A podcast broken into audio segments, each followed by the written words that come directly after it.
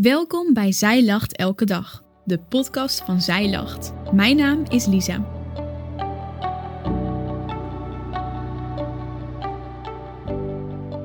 Dit is de overdenking van 13 juni door Nienke Kruid Alblas. In hoeverre klopt jouw hart voor de stad waar je woont? Klaagliederen 3 roept ons op om naar de vrouwen in jouw stad om te zien. Een paar jaar geleden woonde ik op twee plekken: in de stad waar ik studeerde en in het weekend in het dorp bij mijn ouders. Door de afstand en het reizen resulteerde dit in halve prioriteiten. In het weekend diende ik het dorp en door de week leefde ik vooral mijn eigen leven in de stad. Het voelde niet als mijn stad en ik had niet het idee dat ik de stad wat te bieden had. Maar dit bleek niet het geval. Jezus diende de plek waar hij was. Hij zag om naar de mensen die op zijn pad kwamen. Hij dacht niet: ik ga wel weer terug naar huis, dan zou ik wel eens meedoen met een sponsorloop. Zijn hele leven draaide om het dienen van de ander met woord en daad. Nu ben ik niet een heel goed voorbeeld van iemand die eindeloos veel vrijwilligerswerk doet. Aan het begin van 2020 vroeg ik God om mij meer bewogenheid te geven voor de mensen om mij heen. Dit is een zeer gevaarlijke vraag om te stellen. Het zorgt ervoor dat je gaat huilen om berichten op Instagram en verhalen die je hoort van mensen in je kerk. Maar in hoeverre zie ik om naar de vrouwen in mijn stad? Niet zoveel. Maar ik probeer meer en meer handen en voeten aan mijn geloof te geven. Zo kook ik regelmatig voor mensen om vervolgens op mijn fietsje bakjes eten bij nieuwe moeders langs te brengen.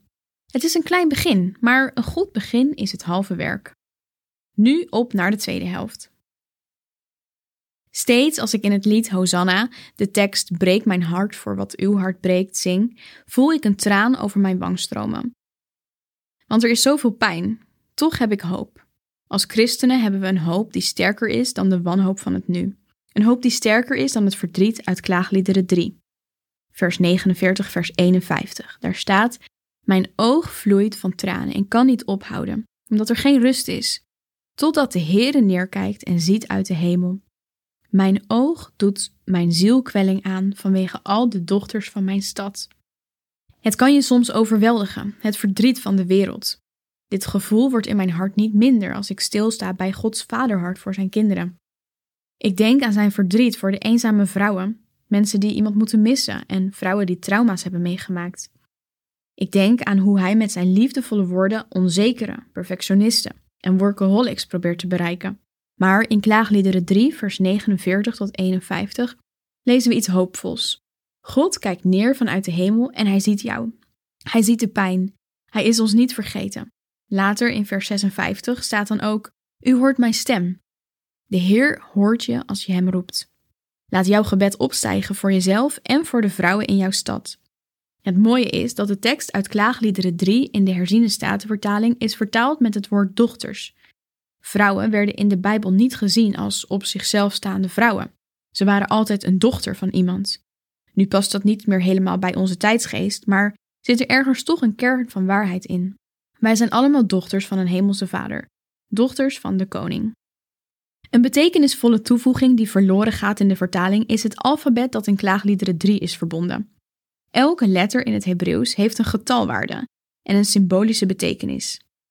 Klaagliederen 3, vers 49 tot 51 hoort bij de letter Ein of Ayin.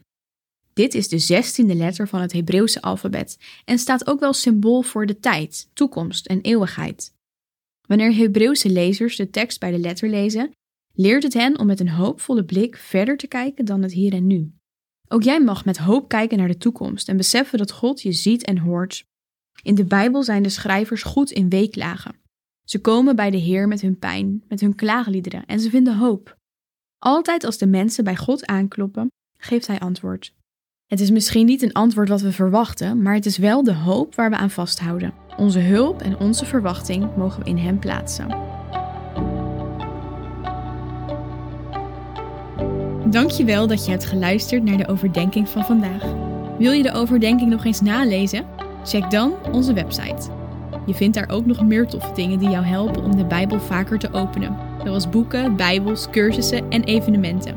Morgen ben ik weer bij je terug met een nieuwe overdenking. Tot dan!